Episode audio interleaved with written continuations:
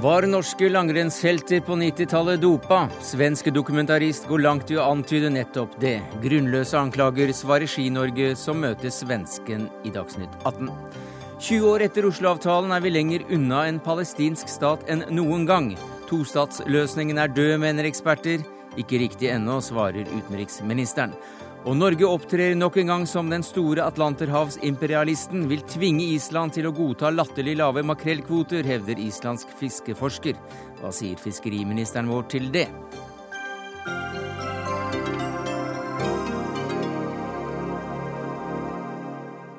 Ja, Det er noen av sakene i eh, Dagsnytt 18 denne onsdagen, der vi også får siste nytt om Syria. Men først eh, til eh, et område langt nærmere vår egen navle, så å si.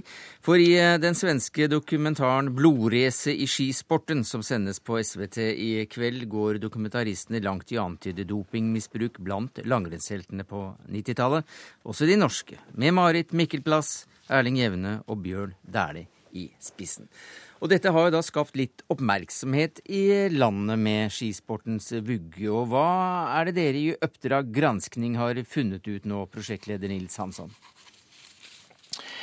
Ja, vi har tatt fram oppgifter eh, om blodvärden på kända skidåkare på 90-talet. Og det er blodvärden som er så høye så at eh, de experter som vi intervjuer, altså det er de ledende experterna på området, kommer fram til at det finnes ingen naturlig forklaring til dette, utan det kan bare forklares med at dette har skjedd gjennom noen form av manipulasjon. Og manipulasjon i denne sammenheng, det er det vi snakker om som doping i dag? Eh, vi påstår ikke at de her skidåkerne er dopade, utan vi går så langt så at vi tar fram de her blodvärdena som tidligere ikke var kända og eh, vi låter eh, ledende eksperter analysere.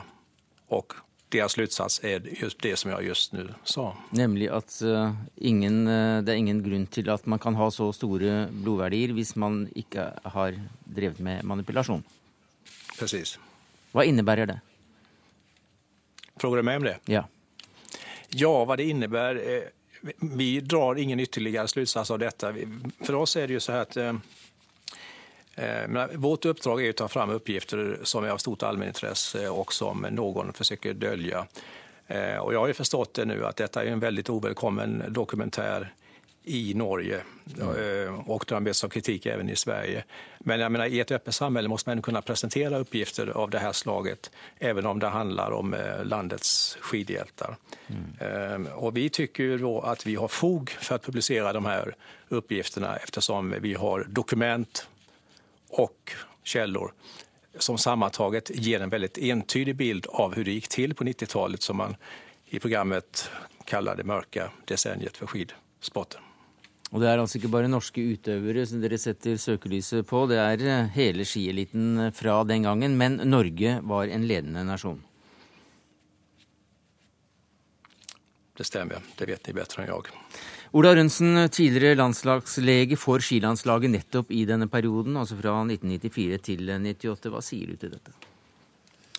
Jeg fikk jo se eh, dette programmet i den versjonen det var i går kveld, i hvert fall. Så jeg, vet ikke om noe er endret siden det. Men eh, med, med det som bakgrunn, eh, så er jeg overrasket over hvor mange udokumenterte påstander som kommer fram. Og hvor eh, lite de har vært kritisk til hva disse hemoglobinverdiene egentlig Hvor eksakte de er, og hvor eh, pålitelige de er når de er målt på den måten de er blitt målt på 90-tallet. Så de kommer ikke vesentlig inn på disse feilkildene. Og det blir trukket slutninger eller konklusjoner eh, i programmet om at som f.eks. at det går ikke an å vinne eh, et verdensmesterskap eller bli verdensmester på 90-tallet hvis man ikke har eh, dopet seg eller manipulert sitt blod. Og så får jeg da bare til det innledningsvis eh, diskusjonen om blodmanipulasjon er lik doping. I WADAs verden og idrett idrettens verden, antidopingverden, så er all blodmanipulasjon doping. Mm. Så det kan man ikke mm. diskutere. Hva sier du til dette, Nils eh, Hansson? Du er altså da prosjektleder for Oppdrag granskning, at dere ikke har gjort eh, god nok hjemlekse og sjekket dataene? Eh, vi tar jo fram de eventuella invändningar som man kan ha och vi diskuterar också tillförlitligheten i i de här testerna. Den slutsats som citeras här då, det är ju inte vi som säger att man inte kunde vinna på 90-talet utan att eh, blodmanipulera. Utan det är ju då eh, faktiskt uppgifter som kommer från Internationella skiförbundets medicinska kommitté och, och forskaren där, Jakob Mörksberg, Mörksberg, som säger detta i eh, dokumentären. Men, men, du hører, du hører her at den norske, den eh, norske tidligere lege, landslagslegen her sier at, at måten målingene blir gjort på, er for dårlig til å kunne si noe særlig? Ja, og det er vel helt klart så at Norska Skiforbundet og dess läkare har et interesse av att miskreditere misskreditera den här mätningen. Och jag har ju läst det som har skrivits också i, från Norska Skiforbundet i den inlaga som kommit till oss på 22 sidor. Eh, Der peker man da på brister og det er ingen hejd på hvor dårlig denne utrustningen er. Eh, det merkelige er da at de, eh, det, de, de, eh, namn man nevner på denne utrustningen og den Eh, den firmaen som nevnes, det er ikke den, det er ikke den utrustningen som anvendes til Lahtis. Altså man oppgir felaktig, felaktig maskin helt enkelt. Så jeg vet ikke hvordan man skal hantera den kritiken. Nei, det, får, vi, det, det, får vi, høre, det får vi høre Rønsen svare på nå. Ja, Vi ser ikke hvilken maskin som er blitt brukt i Lahti. Eh, vi ser bare en bloddråpe bli tatt fra en finger. Eh, og, eh, så vi vet ikke hvilken maskin som er blitt brukt. Og det kunne dere jo også opplyse om hva slags feilmargin denne maskinen i Lahti hadde. Og man kunne også si noe om de feilmarginene som oppstår når man tar blodprøver fra fingertuppen og ikke fra en vene. Som et par eksempler. Så her er det to feilkilder og, som man fortsatt ikke har diskutert ordentlig. Hansen. Vi har ju talat med läkaren som utförde testet 97 och eh, han går i god för de här uppgifterna eh, och står för dem enn än idag. Vi har pratat med professor Bengt Saltin som är expert, ledande expert på området som alla inom skidkretsar känner till och han ser ingen anledning att ifrågasätta de här uppgifterna. Det hör ju det är alltså inget, det kan låta som att det är väldigt, väldigt, väldigt, väldigt svårt att genomföra de här proven, va? men det är ju alltså ett ganska enkelt prov eh, som man, som man har tagit Ja, men jeg har vært på de prøvetakingene til forskjell fra deg og en del andre, og jeg har sett hvordan dette er blitt praktisert, og jeg drev selv forskning på den tiden og måtte legge helt andre rutiner for mine blodprøvetaking hvis jeg skulle publisere dette på noe som helst vis. Så det som ble gjort i, i forbindelse med Eh, både, eh, både dopingkontrollene tidlig på 90-tallet, før man begynte med screeningen, og når man begynte med screeningen, var at man startet med veldig, veldig eh, u, altså usystematisk innsamling av data. Eh, og de ble tatt under ulike forhold, og det var ikke egnet til verken å gjøre forskning på eller å drive eksakt Eh, bedømmelse på hva hemoglobin var. Den, den, egnet kun, den, egnet seg kun, til å si om denne løperen kan starte eller ikke. Ja, men hvis den egnet seg til om løperen kunne starte eller ikke, så kunne den vel si noe presist om eh, blodverdiene var for høye? Da hadde de en grense som de hadde lagd, og der måtte du komme under den grensen. Ja. ja. Og da måtte du... Så det var den god nok for? Det var den god nok for, og mm. da måtte du tilfelle teste en gang til hvis det var tvil i, eller var en prøve i grenseland. Men jeg forstår det slik at den norske kritikken eh, når det gjelder metodebruk, eller går på metodebruken, altså hvor på kroppen man hentet blod, og hva slags maskiner som ble brukt og målingssystemer som ble brukt. Ja, og Grunnen til at vi tar opp dette, er ikke for å uh, smuldre hen hele historien. Vi, uh, peker, bare, effekten, vi peker bare på at det er usikkerhet mm. til en viss mm. prosentandel uh, forbundet med dette. Og det bør også en dokumentar ta mm. opp mm. i et slikt program. Hansson? Ja, ja, men eh, programmet omfattar även, även det. Jeg tycker det är lite märkligt då vilken energi nu som Norska skiförbundet lägger ner då på att eh, eh, ta bort all trovärdighet från själva testet och själva mätningen. Det är ändå en metod som infördes av Internationella skidförbundet och som också användes av Internationella skidförbundet. Och det, det måste då i så fall, om det är så som skidförbundet här nu då, så måste det innebära att eh, åkare som har stoppats och hindrats från att deltaga i, i stora tävlingar har, just, har, gjort, mm. har blivit drabbade på felaktige grunner. her. Du, du nevner Norges Skiforbund. Nå er ikke Ola Rønsen deler av Norges Skiforbund, men Erik Røste, du er president der. Hvordan reagerer du på Skiforbundets vegne på dette? Det er klart Vi tar sterkt avstand fra de påstandene som blir eh, framsatt i programmet. og for Norges Skiforbund så er det her alvorlige anklager. Eh, og Derfor så tar vi det på det aller høyeste alvor. Vi skulle gjerne ha sett at vi kunne brukt tiden på noe annet under VM i Val di Fiemme. Men avviser du, avviser, du på, avviser du påstanden, eller tar du det på fulle alvor? Det var uh, to setninger som krasjet litt i meningsinnholdet. Ja, jeg, jeg vi, tar, vi avviser alle påstander. Og jeg har lyst til å si det. Feilkilder eller ikke i dokumentaren feil, eller feilkilder ikke på, på, prøve, prøve, på, på test, testapparatene, så er det jo ingen verdier som er unormale høye. Altså Det må man også ha veldig klart for seg. Det er, det er jo ingen unormale høye, høye, verdier som er målt på norske utøvere som fremsettes i dokumentaren. Og jeg har lyst til å si det Et øyeblikk, er det, er det riktig, Hansson? Er det ikke en unormalt høye verdier? Nei, altså det, det kan vi, vi, kan ta som eksempel her nå da Marit Mikkelspass, som hadde i Lahti ett blodvärde på 16,1 eller 161. Eh, vi intervjuar ju då eh, idrottsläkaren eh, Tor Östein Endsjö som reagerar väldigt starkt mot just de här värdena. Han tycker att det är helt otroligt att at man kan få opp så høye verden som, som skidåkerska. Du? Han, han, han, han jämför med Grete Weitz, verdens beste maratonløperske. Og hun kommer aldri opp i høyere nivå enn 12,4 eller 12,5 efter en høytreningsperiode. Bare som eksempel og jämförelse. Ja det, ja, det, er det riktigere at Ola Rønsen svarer på, som, som, som er lege og, og, kan dokumentere det.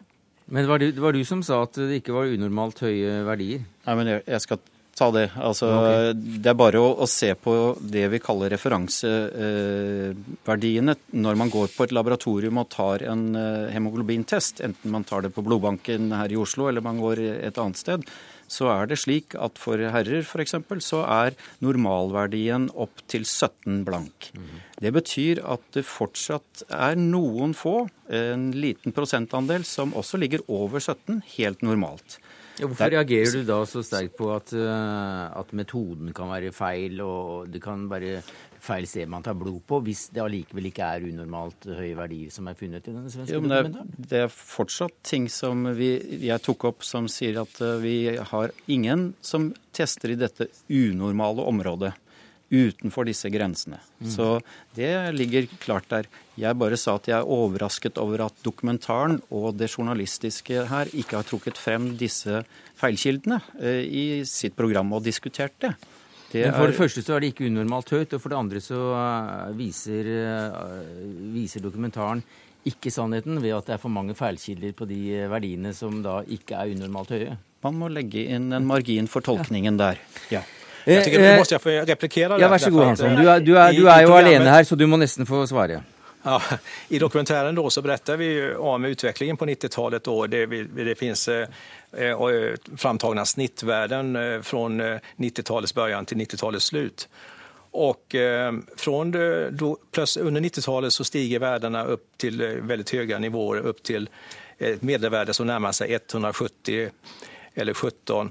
Eh, och sen när då kontroll och test införs, då plötsligt sjunker Eh, medelvärdena dramatiskt.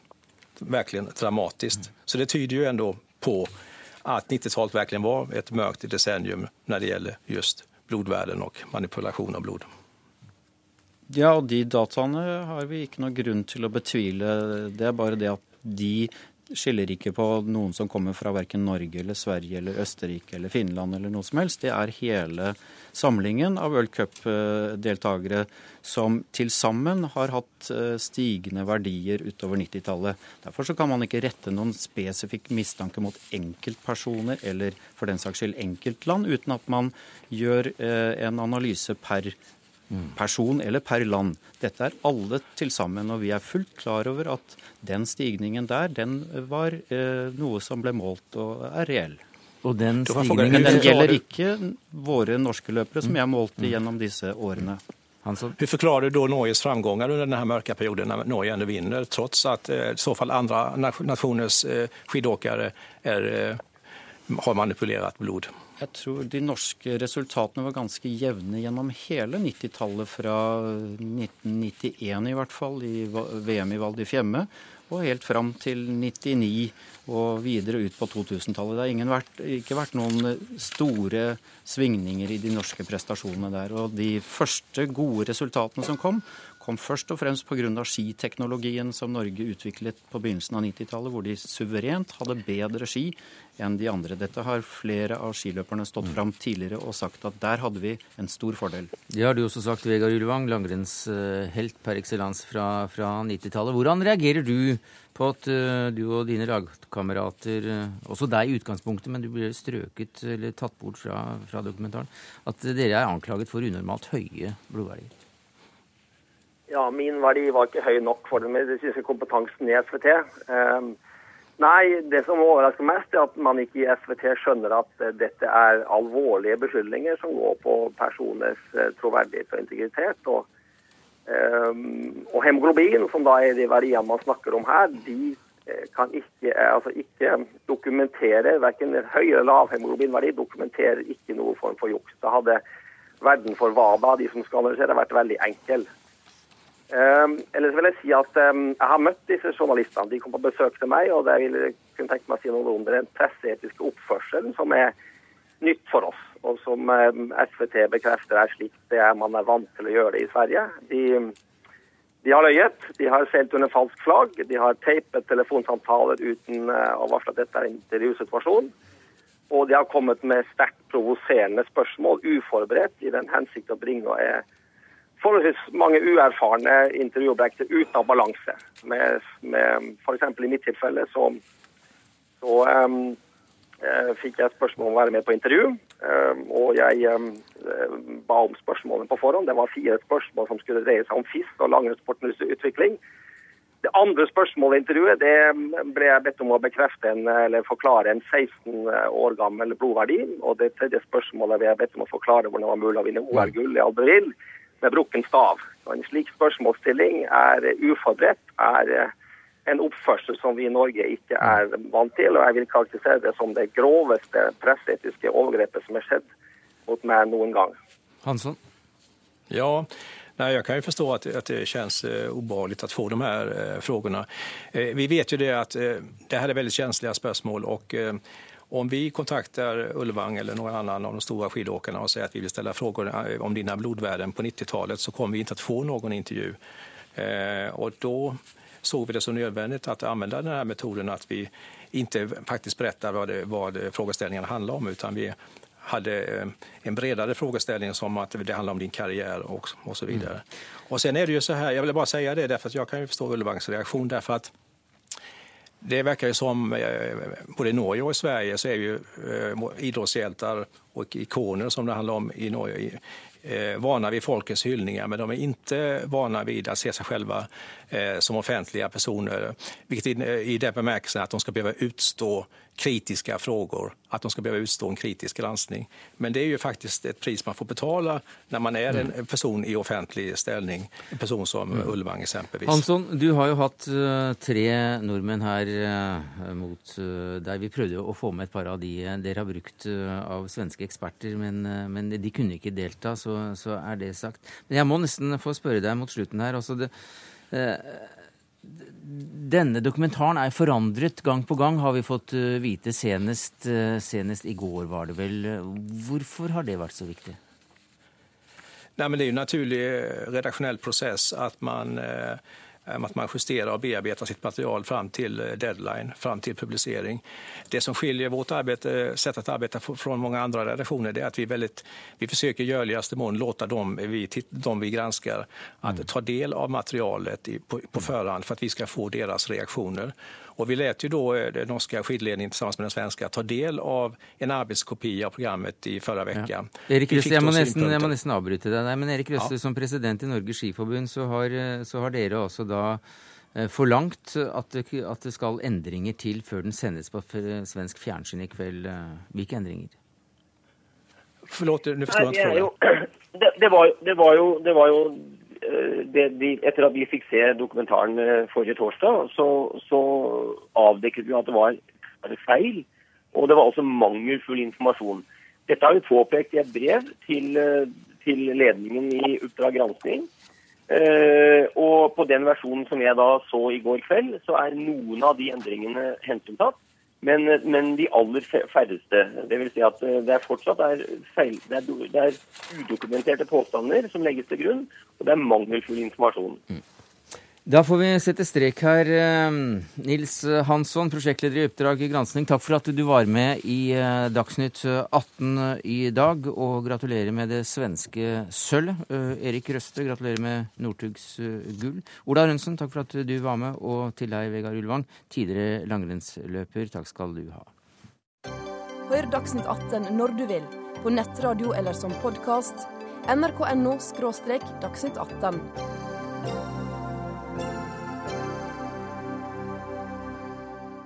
Vi gir oss ikke med eh, stoff som har bakgrunn i eh, dokumentarer her i Dagsnytt 18. For i går så nærmere en halv million av oss NRK Brennpunkt-dokumentaren Giverlandet, der vi fikk oppleve både Støre og Barth Eide backstage før og etter viktige møter med hovedpersoner i Palestina-drama, og rundt giverlandsmøtet som permanent altså ledes av Norge. Landet vårt satser 800 millioner i året på en eh, tostatsløsning i Oslo-prosessens ånd, men til hvilken nytte, utenriksmedarbeider og tidligere Midtøsten-korrespondent i NRK, Sissel Wold, det er du som laget denne eh, dokumentaren. Hvilke svar gir dokumentaren nettopp på dette spørsmålet? Jeg tror at uh, Norge har en veldig spennende rolle i dette her. Man er en aktør i verdens vanskeligste konflikt, men det er en veldig høy gevinst. Man bruker mye penger. Men hvis man får til noe, så er jo gevinsten veldig høy. Det er en prestisjefylt uh, konflikt. Samtidig så er man også på den internasjonale politiske teaterscenen. Man har kontakt med alle. Man, man slipper til hos uh, internasjonale topper. Eh, det er det ene. Det andre er at man på en måte er fanget av denne rollen, fordi man kan ikke kaste kortene heller, selv om alt ser veldig mørkt ut nå. Det er jo nesten en illusjon å tro at det skal bli en palestinsk stat nå. Men hvis man kaster kortene, hva er konsekvensen av det? Mm. Da, da, dumper man palestinerne. Man risikerer at den palestinske selvstyremyndigheten på Vestbredden kollapser. Det er jo heller ikke noen løsning. Så det er vanskelig å komme ut av den, men det er også vanskelig å være i denne rollen. Og det er ikke noen hemmelighet at det er mange som er litt frustrerte over hvordan ting går nå. Men hvem er det som har eh, minst tro på en tostatsløsning nå, da? Ja, hvem er det egentlig som uh, tror på det? Altså For oss som har bodd nede på bakken og sett hvordan dette foregår. Altså Grunnen til at jeg er veldig opptatt av denne giverlandsrollen til Norge, det var en 17. mai hvor jeg hørte daværende Norges ambassadør til Palestina, nemlig Tor Vennesland. Han sa i 17. mai-talen sin jeg er her for å bygge en palestinsk stat. Og jeg tenkte er det mulig? Ja, Hvordan får han denne optimismen? Er dette realistisk? For at vi som har jobbet på bakken, vi ser jo hvordan de palestinske eh, selvstyrte områdene bare smuldres opp og smuldres opp. Mer og mer bosettinger. Israelerne befester okkupasjonen, har ingen vilje til å avslutte okkupasjonen. Og palestinerne er splittet og har ingen vilje til å samle seg. Mm. Så de to tingene er jo hovedproblemene. Og så er listen over andre problemer også veldig lang. Men det er noen som har tro på det, og det er bl.a. Eh, da det norske utenriksdepartementet, der du er sjef, Espen Barth Eide. Eh, hva sier du til den massive internasjonale hoderistningen av at nå er tostatsløsningen eh, den har man liten tro på nå. Jeg opplever ikke at det er en massiv internasjonal hoderysting. fordi at hele giverlandsgruppen, som jo består av eh, svært mange sentrale og viktige land og organisasjoner, er enige om at vi skal fortsette langs dette sporet. Men det er en dyp bekymring for at den det, det, statsbyggingen i Palestina skal støtte det opp om. Altså det Statsbyggingen nedenfra opp, det å bygge institusjoner, det som faktisk går bra, særlig på Vestbredden, det det skal bygge opp om, er jo en politisk løsning hvor man finner en avtale mellom palestinerne og israelerne om hvordan de kan leve sammen. Og Så lenge man ikke får til den politiske avtalen, eller har en politisk horisont, som vi kaller det, en slags forestilling at vi kommer dit, så er det vanskelig eh, å, å, å, fortsette langs, langs, dagens spor. Og Det er jo nettopp derfor jeg har sagt mange ganger, også i den dokumentaren, at det nå er viktig å få denne politiske horisonten eh, tilbake. Men jeg tror det er litt viktig å si at eh, statsbygging brukes i to litt forskjellige betydninger. Og I den ene betydningen så går den palestinske statsbyggingen faktisk veldig bra når det gjelder å bygge institusjoner, bygge styringsverk, bygge liksom, statens instrumenter. Eh, særlig da på Vestbredden, det er viktig å si, det som eh, statsminister Salam Fayyad leder, så går ikke det bare bra, men det går såpass bra at Verdensbanken og Det internasjonale pengefondet og FN og USA og EU og vi og en rekke andre i 2011 sa at mm. dette er en av de mest vellykkede statsbyggingsprosjektene på 20 år. Mm. Men det som ikke går bra, er å få til den politiske avtalen som gir den, den overordnede rammen rundt dette. Og Det er vel den, det er den akkurat den horisonten som er ganske viktig å prøve å, å komme seg Absolutt. nærmere, da, ifølge også dokumentaren som ble vist vist i går. Og da, da, sa du den dagen kan komme hvor vi sier at nok er nok og gir oss. Eh. I dag er det onsdag. Hvilken dag er det du sikter til? Nei, det er, ikke, det er ikke umiddelbart forestående. Og nå skal vi for det første ha et uh, viktig møte i giverlandsgruppen i mars i Brussel. Jeg har også lyst til å presisere én ting til. Dette er ikke noe Norge verken har funnet på alene, driver med alene. Det er ikke slik at det først og fremst er Norge som betaler. Eh, amerikanerne, EU, bruker mye mer penger enn Norge De litt, har litt eh, mer penger å, å ta av også? Jo, jo men, det, men altså, vi bidrar seriøst. Vi er vel den sjette største giveren de fleste årene. Ikke hvis du ser per innbygger? Nei, det er Nei. riktig. da er vi opplagt den største. Jo, jeg er klar over det, programleder. Jeg bare prøver men, å korrigere den, det inntrykket du gir, at vi bare er en Ja, men Hvis jeg nå får lov å få fram poenget, så er jeg veldig stolt av at vi er en stor bidragsyter. Mm. Men det er altså, mitt poeng programleder, er at det er faktisk slik at det er veldig mange land som står bak dette. Det er mange arabiske land. Det er EU, det er enkelt EU-land som Storbritannia, det er USA og Norge. Og Norge er i tillegg leder for gruppen og har som sådan et særlig ansvar.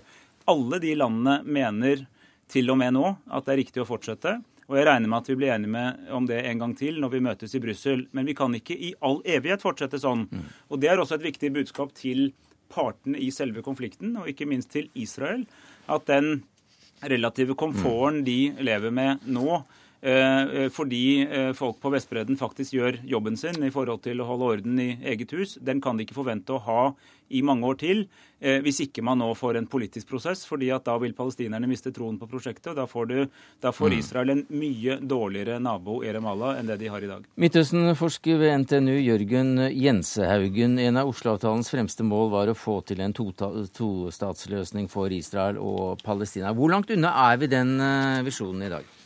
Eh, veldig langt. Og utenriksministeren har helt rett i at man har klart å bygge det man kan kalle statsinstitusjoner, altså på palestinsk side.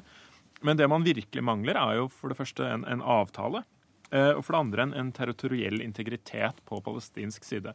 Og, og, det er den som virkelig lider eh, hver dag, altså med, med bosetterutvidelsene, som øker med uforminsket styrke. Altså 2012 hadde den raskeste økningen av, av byggetillatelser, uh, av bosettinger, noensinne. Eh, sånn at på bakken så blir det jo altså, verre med økende hastighet, da, kan man si. Hva sier du til det, Barth Eide?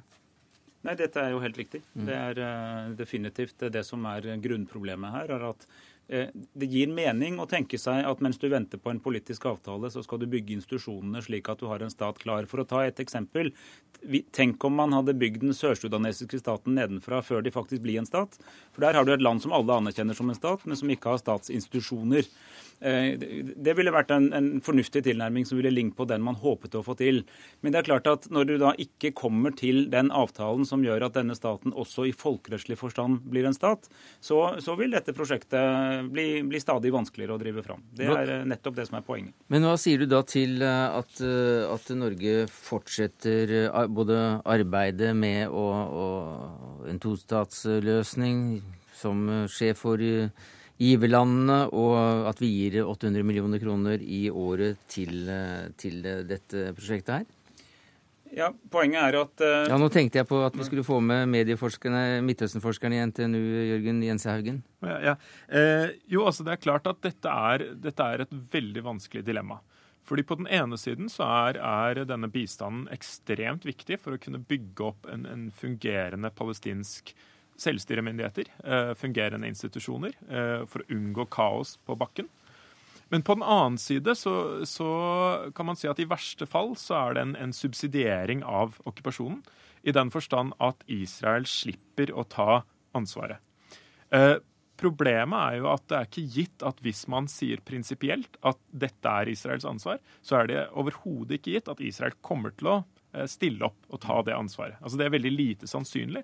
Sånn at ved å slutte å gi, så risikerer man en total kollaps på palestinsk side. Og hva skjer da? Nei, da, da får man en, en, en forverret situasjon. Eh, og det, man, kan si, man kan sitte på sin høye hest og si at det er det prinsipielt riktige å gjøre. Eh, men man vil ikke da få en løsning på konflikten. Nils Butenschøn, du er direktør ved Norsk senter for menneskerettigheter, men uh, her i Dagsnytt 18 mest kjent som, uh, som, som Midtøsten-ekspert. hva er alternativet til å fremdeles støtte en topartipolitikk? En tostatsløsning? ja. Tostatsløsning, unnskyld. Ja, nei, du, altså Jeg har faktisk etterlyst det i mange år, egentlig. altså At vi må begynne å tenke alternativt. Fordi eh, det er helt åpenbart at det blir, veldig, det blir, på en måte veldig defensivt. Eh, sånn som den rollen som på en måte Norge nå er tvunget inn i, ved å si at vi må bare på en måte fortsette fordi alternativet vet vi ikke hva er for noe. Alternativet blir så vanskelig. Og det blir veldig vanskelig. Og det er klart at hvis Norge nå skulle stanse hjelpen til de palestinske selvstyremyndighetene, så vil jo Hamas bli veldig lykkelig. ikke sant? For da vil det bli kaos på Vestbredden, og Hamas vil antagelig kunne overta der. De vant jo valget også på Vestbredden i 2006. Men da må vi også si at det som ikke går bra når det gjelder institusjonsbyggingen og, institusjonsbyggingen og statsbyggingen på palestinsk side, det er jo de politiske institusjonene. altså Det har jo brutt sammen. De politiske institusjonene har brutt sammen. Og Det har jo sammenheng med eh, selvfølgelig borgerkrigslignende tilstanden på palestinsk side, men det er også sammenheng med at Israel har arrestert så mange parlamentarikere osv. Men eh, det finnes jo mange, altså Fra et så å si statsvitenskapelig perspektiv så finnes det jo mange alternativer til, til det vi nå ser. Man kom jo så veldig galt ut med Oslo-prosessen fordi det eneste Oslo-prosessen gikk ut på, det var jo sikkerhet. Sikkerhet for Israel, ikke rettigheter for palestinerne. Så altså menneskerettighetsperspektivet var utelatt eh, reelt sett fra hele prosessen. Så man hadde ikke noen garantier for at palestinske rettigheter skulle bli ivaretatt i denne prosessen. Man hadde en visjon, men ingen garantier, og da blir den sterkestes rett som rår. Men, men du sier innledningsvis her at det er, no, det er, noe defensivt rundt bare å fortsette og fortsette og fortsette. Ja. Men hva er alternativet? Alternativet eh, er Altså alternativene er mange sånn rent teoretisk sett, men problemet er at Norge og andre ikke tar noe initiativ til å diskutere alternativer. F.eks. en føderativ løsning. F.eks. Eh, en, en, eh, en trestatsløsning. For, altså, det fins alternativer til en tostatsløsning, men de må baseres på prinsipper om demokrati og menneskerettigheter. Og, og, Så lenge det ikke ligger i bånn, så kan man jo risikere etnisk rensning. Man kan risikere en ny apartheidstruktur, som man jo langt på vei er på vei inn i. Jeg er enig i at det finnes mange teoretiske alternativer til en tostatsløsning. Men jeg tror i virkelighetens verden finnes det ett alternativ, og det er en enstatsløsning. Eh, det er et slags eh, Stor-Israel hvor det bor både arabere og eh, palestinere. Og da, og, altså både arabere og jøder. Og Problemet da for de israelerne som er jøder, er at du da må velge mellom om du skal akseptere at Israel slutter å være en jødisk stat, det er høyst usannsynlig at de ønsker seg, for å være forsiktig, eller du må akseptere en form for apartheidstat. Det tror jeg ikke noe på at Israel ønsker, fordi at Israel er et, et moderne demokrati som ikke kan leve med en situasjon og bli sett på som apartheid. Derfor er min opplevelse etter å ha møtt veldig mange israelske ledere at de kan godt ha en lang liste med problemer om hvorfor det er vanskelig å komme til tostatsløsning. Men når du spør dem om de, hva de egentlig ønsker seg, så blir svaret likevel tostatsløsning. Fordi at en, en, reelt, en reelt tilgjengelig alternativ enstatsløsning er heller ikke attraktivt for Israel. Og Derfor tror jeg at man i bunn og grunn er nødt til å tenke seg en form for tostatsløsning.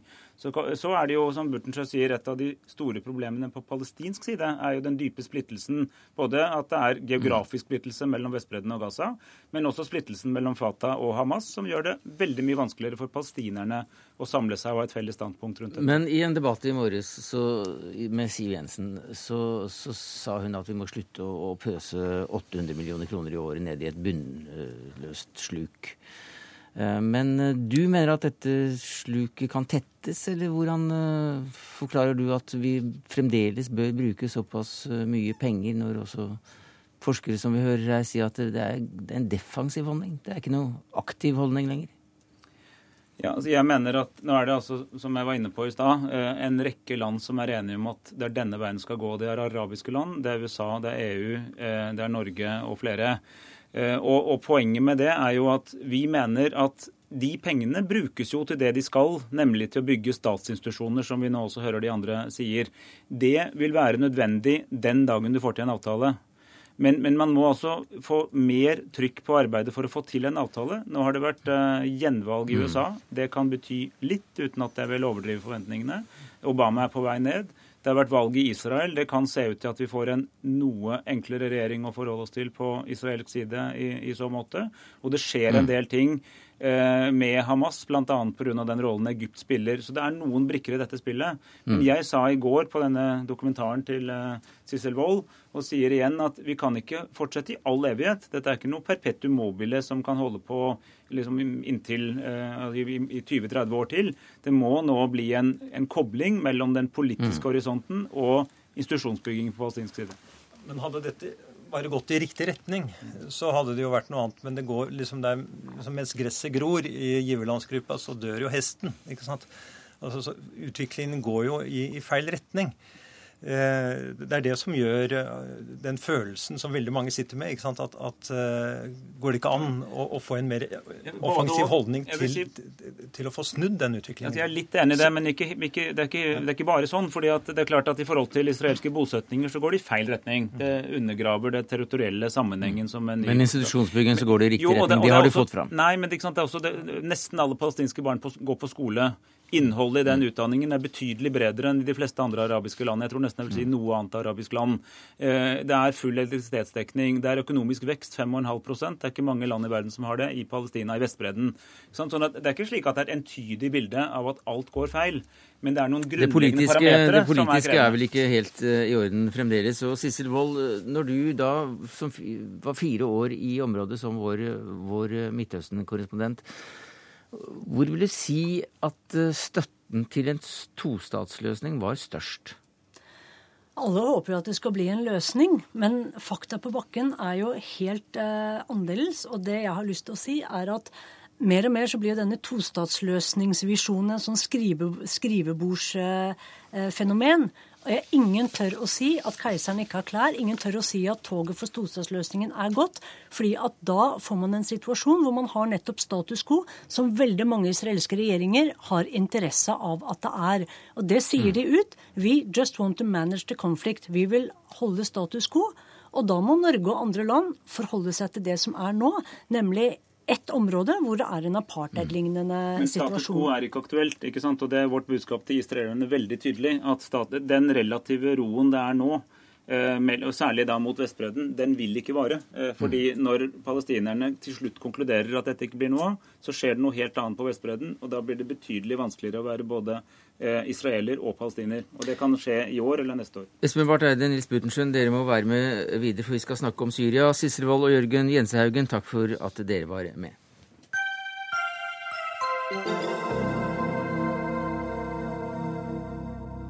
For fra Palestina-spørsmålet skal vi altså over til Syria. Internasjonalt er det ting som skjer. USAs utenriksminister varsler et initiativ, og Obama vil gi opprørerne militære trening. Det er dagens nyheter. Men først til situasjonen inne i landet, Jan Egeland. Europadirektør i Human Rights, Rights Watch. Selv sentral i Oslo-prosessen, som vi nettopp snakket om, men med her i Dagsnytt 18 med ferske inntrykk fra Syria. For du var i Aleppo så sent som i går. Hvordan opplevde du situasjonen? Ja, jeg, jeg, var i Aleppo og eh, i Nord-Syria i begynnelsen av uken. Kommer nå fra Bahrain, som er eh, også et land med svære menneskerettighetsbrudd. Eh, for vi glemte menneskerettighetsbrudd. Men, men det som karakteriserer Syria nå, er jo at den verste krig, konflikt, i vår tid blir stadig verre. Og det er ingen tegn på at den eh, på noen måte stanses. At sivilbefolkningen beskyttes på noen måte. Det var en dramatisk utvikling til det verre da vi var der, nemlig ved at regimet begynner å sende disse her svære ballistiske rakettene. Altså svære raketter som går i bane fra baser ikke så langt fra Damaskus, og så faller det ned i tettbefolkede områder i Aleppo by. Eh, Bl.a. Eh, fredag kveld. Vi var der lørdag, eh, mens familier, mødre, fedre grov etter sine barn i ruinene. 141 døde, dokumenterte vi. Det var ikke tegn til militær, aktivitet i nærheten av der disse her Scud-rakettene hadde gått. Det var hele kvartaler. Du kan tenke deg liksom, store deler av Frogner bydel i Oslo jevnet med jorden, og intet hjelpearbeid. Eh, det eneste du merker, er en, en sånn enorm frustrasjon og raseri blant folk flest. Hvorfor er det ingen som kommer og hjelper oss? Og den frustrasjonen har jo da selvfølgelig spredt seg langt inn i den syriske nasjonalkoalisjonen, altså paraplyorganisasjonen for store deler av, av opposisjonen. Nå har den brutt uh, sitt internasjonale samarbeid, vil ikke delta engang på dette vennemøtet i, i, Roma i mars, i protest for at det gjøres for lite for å få slutt på borgerkrigen fra det internasjonale samfunnets side, Barth Eide. Hva sier du til det? Det, si det, det, er ikke helt riktig. for Det var tilstanden for noen dager siden, men nå har de bestemt seg for å komme likevel. -hmm. Men jeg tror likevel vi skal erkjenne at det er jo et uttrykk for en dyp frustrasjon naturligvis eh, med situasjonen i Syria, med det internasjonale samfunnet. Men det er noe positivt at de kommer. Jeg har møtt Al-Khatib, som leder denne gruppen. Han gir et veldig godt inntrykk. Problemet er at vi må erkjenne at deres eh, reelle innflytelse inne i Syria nok er eh, relativt begrenset. Eh, så det er altså en splittelse nå mellom eksilsyrere, de som jobber utenfor, de som jobber i landet, og det er dyp splittelse i opposisjonen. En av Syrias mange tragedier først er veldig enig i at Jan Egeland sa, en av Syrias mange tragedier er at man ikke har klart å samle en enhetlig opposisjon. Derfor har du altså et sterkt og fortsatt ganske enhetlig regime som ser ut til å ha tenkt å kjempe til siste mann. sistemann. Eh, men du har altså ikke en, en, samlet opposisjon som har en helhetlig politisk og militær strategi opp mot det regimet. Mm. Og Det gjør det også veldig vanskelig å støtte opposisjonskreftene. De aller fleste vil jo gjerne støtte dem og ikke regimet. Men hvem skal man ta tak i? Hvem støtter man? Og Det andre er at i tillegg til at det er veldig mange regionale, altså interne agendaer i Syria, altså det, er, det er mer enn én konflikt, så er det også veldig mange land utenfor Syria som nå bruker Syria til sin, som oppmarsjområde for sine egne regionale konflikter. Det gjelder naturligvis Iran, men det gjelder også andre land, bl.a. en del sunni-arabiske land. Og Det gjør det veldig alvorlig. Det gjør at det ligner litt på Bosnia på 90-tallet. Eh, ødeleggelsen er kanskje enda verre, men i, i, struktur så ligner denne konflikten mer på Balkan enn noe vi har sett eh, siden Balkan. USAs nye utenriksminister har eh, vært på, og er på europaturné bl.a. og diskutert Syria, og mener at det kommer et nytt initiativ på dette vennemøtet, Syria-vennemøtet i mars, bl.a. i samarbeid med, med Frankrike. Hva vet du om dette? Det er riktig det, at man eh, forsøker nå å få ø, ø, nye initiativer. Ikke minst forsøker man å bidra til mer helhet, mer samling når det gjelder opposisjonskreftene. Det er noe vi også støttet opp om. Men de er altså snarere enn mer og mer samlet, så er de mindre og mindre samlet. Men hva slags det, initiativ kan det være snakk om? Ja, Det er jo initiativer til å få fram en mer, en mer samlet ja, politisk hvordan prosess. Hvordan kan man gjøre det? Nei, det er Vi får vente til mars og høre det, altså, det, det er Kerry som har denne planen, så vi får se hva de får til. Dette, vi prøvde noe lignende før jul som ikke lyktes fullt ut. Og det er jo, ikke sant, jeg tror det som er viktig å formidle, er at nesten et samlet verdenssamfunn Det er jo ikke samlet da, det er jo litt av problemet at det er jo ikke samlet i Sikkerhetsrådet. Uh, og det er faktisk noe som gjør problemet verre enn det ellers ville vært. Mm. Uh, det, ikke, det jeg sier da, er ikke at man skulle gå sammen om f.eks. en intervensjon nødvendigvis, men at man skulle gå sammen om noe, en felles plan. Fordi vi vet igjen fra uh, krigene på Balkan at uh, det var først da man begynte å ha felles posisjoner, at man begynte å få en slags orden på dette. Men det er jo veldig mange mennesker som gjerne skulle gjort noe med krisen i Syria, men man leter altså etter hvilke virkemidler man har. USAs uh, president har nå uttalt at USA vil trene opp opprørssoldater. og gi dem i hvert fall skuddsikre vester og pansrede kjøretøy. Hvordan uh, tolker du det, Butenschøn?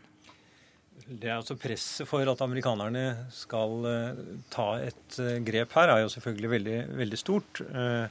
Nå er det jo en viss tilnærming mellom USA og Russland også i, nå de siste dagene.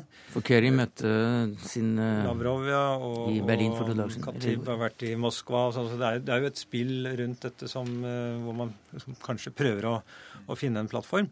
Uh, og så møtes de altså i Roma i morgen. da, Det er, ikke, det er fremdeles februar, for å si det sånn. -hmm. Så, så uh, vi får nå se hvordan, hvordan, det, hvordan, det, går.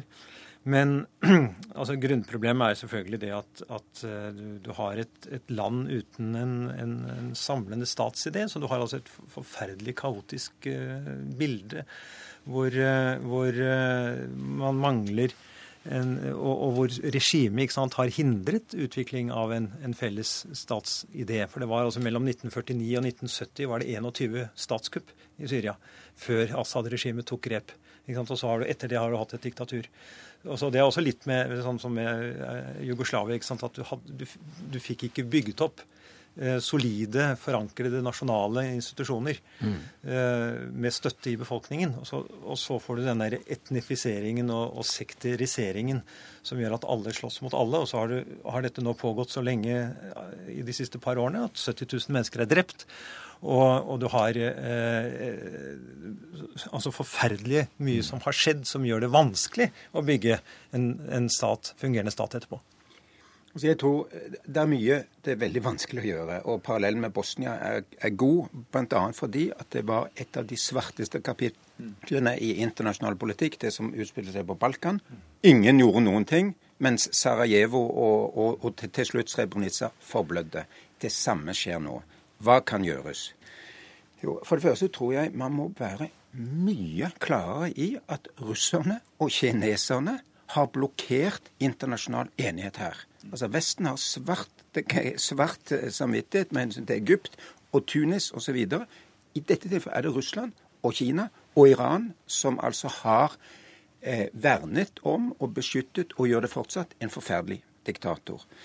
Nummer to, man må nå etter mitt skjønn utrede eh, sin forpliktelse til å beskytte sivile og se på alle alternativer, herunder bruk av makt.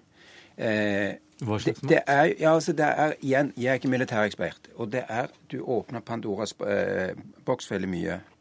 Men bare ett eksempel. altså Nå kommer jeg, drar jeg over grensen fra Tyrkia og inn i Nord-Syria. Patriotrakettene står klar til å verne Nato-landet Tyrkias sivilbefolkning mot Scud-raketter.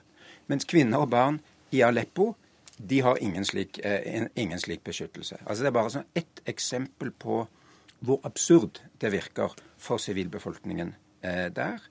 Eh, alle alternativer må utryddes. I seg selv tror jeg det vil føre til et visst kanskje press mot russerne og andre som, som, ignorerer situasjonen. Og det siste er den humanitære hjelpen når ikke fram. Og det som er spesielt paradoksalt, er at det rolige og, og, og, og sikre delene av Nord-Syria, hvor vi var og reiste på kryss og tvers i en taxi, eh, der var det ikke én ambulanse, ikke én hjelpetransport. Mm. Ingenting. Og i Aleppo er det to millioner mennesker. De har ikke strøm, de har ikke eh, vann. De, eh, de, lider virkelig. Mm. Så din utfordring til utenriksministeren, eh, som sitter ved siden av deg, vil da være? Ja, min, eh, altså, Norge gir allerede veldig mye bra humanitær hjelp. Mm. Den når først og fremst inn via Damaskus. For dette FN-systemet og internasjonale Kors-systemet er dessverre låst til å sitte på den, des, det anerkjente mm. regimets side. Eh, man må imidlertid, sammen med andre giverland, begynne en cross-border-operasjon fra, eh, fra eh, Tyrkia. Mm. Og det andre er at eh, man må være med på å, å kalle eh, å og sette bjella på katten her, og det er, eh, Russland. Det er Russland. Mm dere er ansvarlige for dette som skjer. Ja, men Jeg er enig i begge deler. Vi har, for det første så er Norge et av de landene som bruker aller mest penger, og nå snakker vi absolutte tall, på en humanitær innsats i Syria. Eh, både, som Egeland sier, eh, gjennom FN-systemet inne i Syria, med de begrensninger det innebærer, men også i en rekke naboland. Og vi er også veldig opptatt av at en, et, et, selvstendig poeng er å hindre spredning til naboland, ikke minst til Libanon. For jeg mener at det er alvorlig grunn til bekymring for regimestabiliteten. Når det gjelder å sette bjella på katten, så uh, gjør vi det. Jeg gjorde det for min del i FNs generalforsamling da jeg var der i høst. og Jeg har gjort det mange ganger siden. Si at det er Sikkerhetsrådets manglende evne til å stå samlet som er en, del av det, en stor del av det internasjonale problemet. Og det er særlig eh, Russland og Kina som har ansvaret for det, og det sier vi også til dem. Men Espen Barth Eide, du har drevet med utenrikspolitikk som forsker i, i mange mange år. Og nå de siste, siden, mm. ja, siste trekvart årene som, som, utenriksminister, eller halvåret. Eh, Hvordan går dette til slutt, da? Nei, vet du hva. Nå, først så er jeg utenriksministeren har jobbet med utenrikspolitikk i regjeringen de siste åtte årene. sånn at uh, jeg tror ikke jeg skal påta meg nå å liksom være noe sannsiger eller, eller forsker ja, men i dette programmet. Men et eller annet horisonten eller, forsker, eller rundt neste sving? Jeg er veldig opptatt av at det internasjonale samfunn må ta et større helhetlig ansvar for alle disse spørsmålene.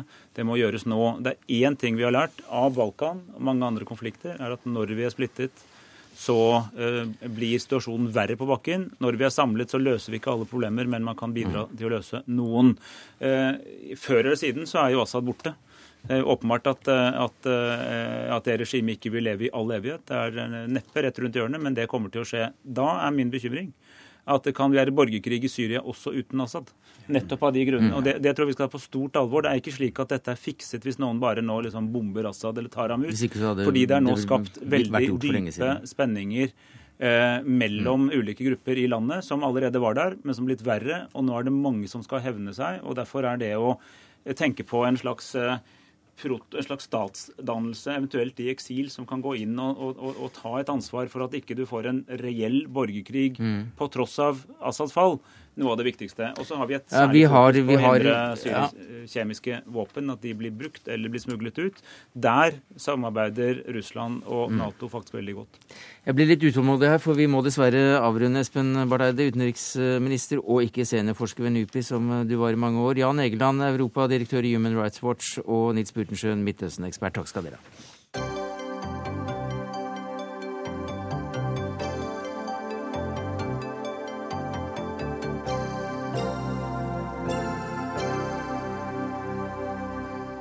For vi skal avslutte denne Dagsnytt 18-sendinga med det som vi kan si er en gammel feide, nemlig kampen om fordeling av fiskekvoter, nå mellom Norge og Island. I en kronikk i Dagens Næringsliv så trakk du linjer tilbake til det du mente var kong Haakons atlanterhavsimperialisme på 1200-tallet, og det gjorde du for å sette dagens konflikt om makrellen i perspektiv.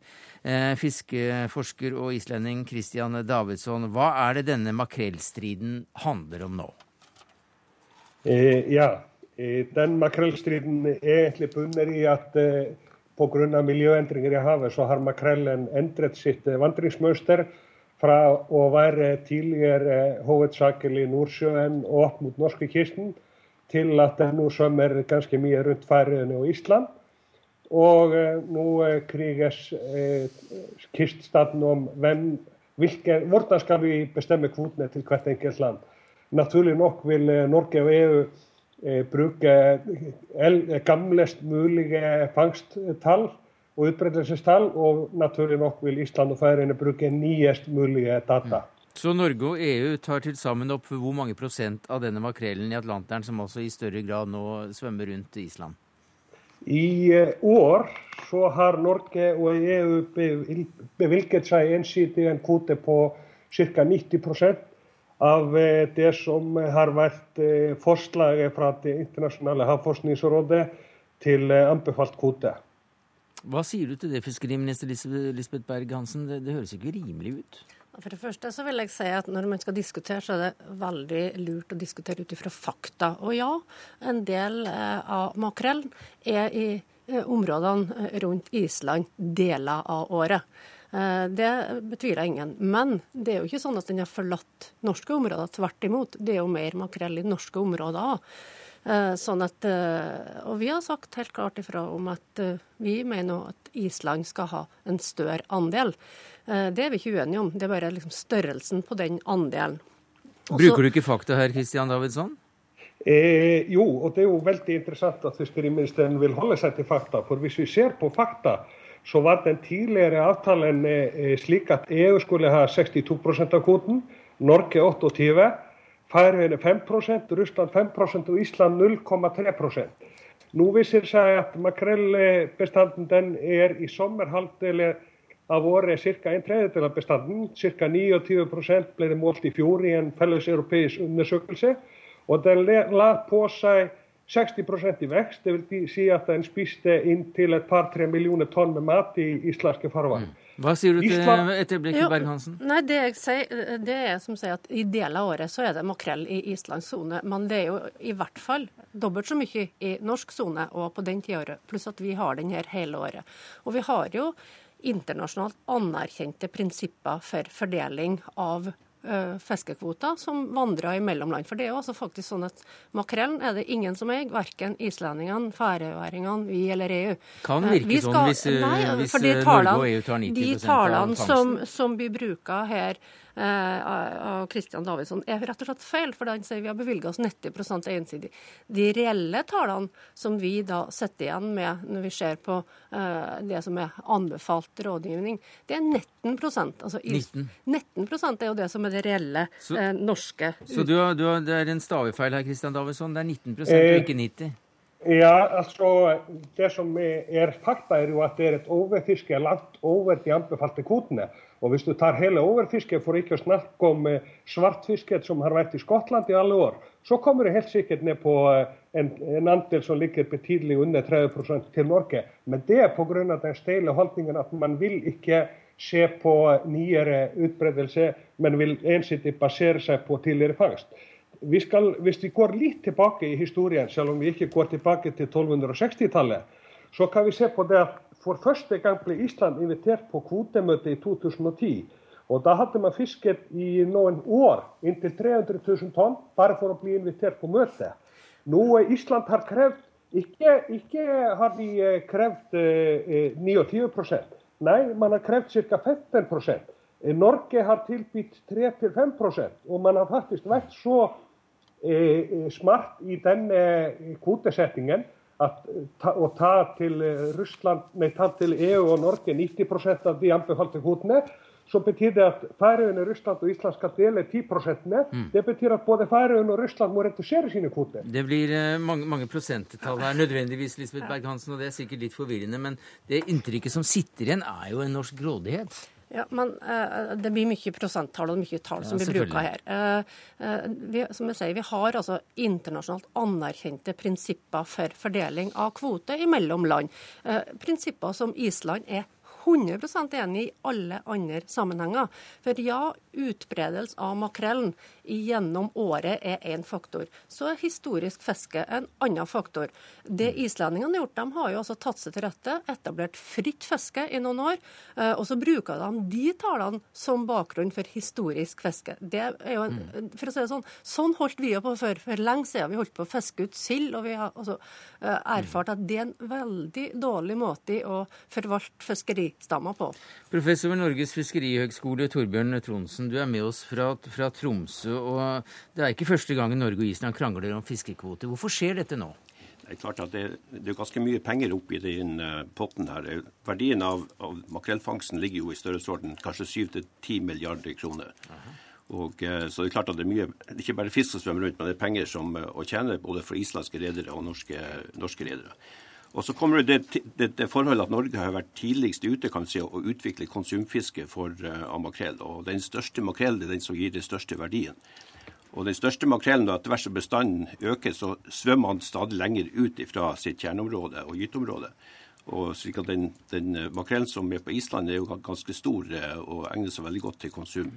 Så, så her er det mye penger ute og går. Så derfor er det jo Og så mangler vi på en måte omforent eh, beslu- eh, en enighet om hvordan, hvilke prinsipper vi skal, vi skal fordele på. Så det er klart at Islendinger har jo et poeng når, det- når fisken er å spise og gjør seg fet på Island, så må jo det inn i, i kalkulasjonen. Så, så det man mangler her, det er jo et, at havforskerne setter seg ned og gjør faktiske beregninger om, om, om eh, verdiskapinga i de ulike økonomiske sonene før forhandlerne setter seg ned og, og så kommer fram til en, en enhet. Og dette er en enighet som, eh, som Norge kan eh, være med Ja, altså, vi, og driver, støtte? vi driver jo forskning i lag med islendingene, men jeg må bare få korrigere et annet tall som Ja, da Davidsson kom med. og det handler om- kort, det 20 sekunder igjen ja, av og det sendingen. handler om hva som er tilbudt i forhandlingene. I motsetning til Davidsson så var jeg med og har vært med i forhandlingene hele tida. De tallene han bruker, tror jeg han i hvert fall må slutte å bruke. Men eh, kong Haakon eh, og 1260-tallet, imperialismen, den får stå fast eh, som ditt avgjørende argument her. Kristian Davidsson, takk skal du ha fra Island. Torbjørn Tronsen, professor ved Universitetet i Oslo, Lisbeth Berg-Hansen her i studio. Det var det vi rakk i Dagsnytt 18 takket være Dag Dørum, Karl Johan Rimstad, Sverre Tom Radøy.